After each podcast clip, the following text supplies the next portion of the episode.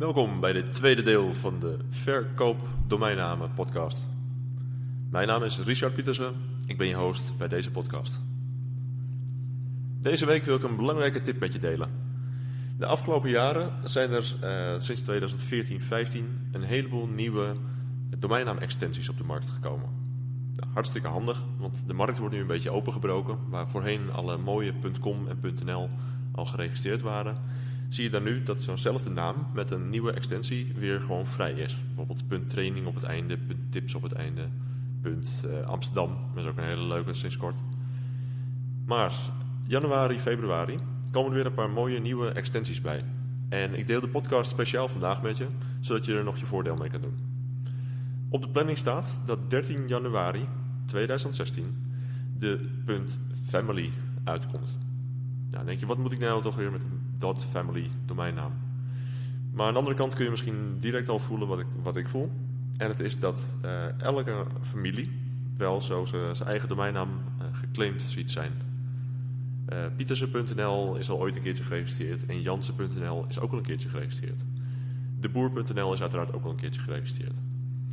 Maar nu komt de .family.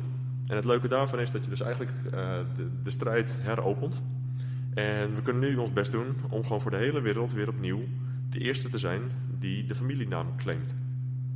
Nou, op een gegeven moment kom je vanzelf alweer in voornaam, of uh, voornaam, achternaam. Maar nu nog, vandaag, of dus eigenlijk 13 januari, uh, gaan de deuren open voor het grote publiek om hun .family domeinnaam te claimen. Ik ben benieuwd of jij je eigen .family domeinnaam gaat claimen. Ik ga mijn best doen om bij WebChamp in aan te bieden vanaf deze dag. En je bent uiteraard van harte welkom om je domeinnaam te zoeken en te claimen. En ja, laten we ons best doen om de dot family van onszelf zo snel mogelijk te claimen. Nou, zie je nog andere mooie uh, familienamen? Je kan er vast zo 100 bedenken als je even het telefoonboek openslaat. Leg ze vast. En wie weet, in de komende 10 jaar is er vast iemand die erop gaat bieden en ze van je wil kopen. Doe je ding, doe je best. Websitetekoop.nl is er goed voor. Plaats daar je de domeinnamen die je te koop wil zetten en webchamp.nl, daar kun je ze registreren. Dat is nummer 1, een hele gouden tip voor deze week. De nummer 2 die ik je ook wil meegeven, die eraan gaat komen, is de punt theater, de dot theater.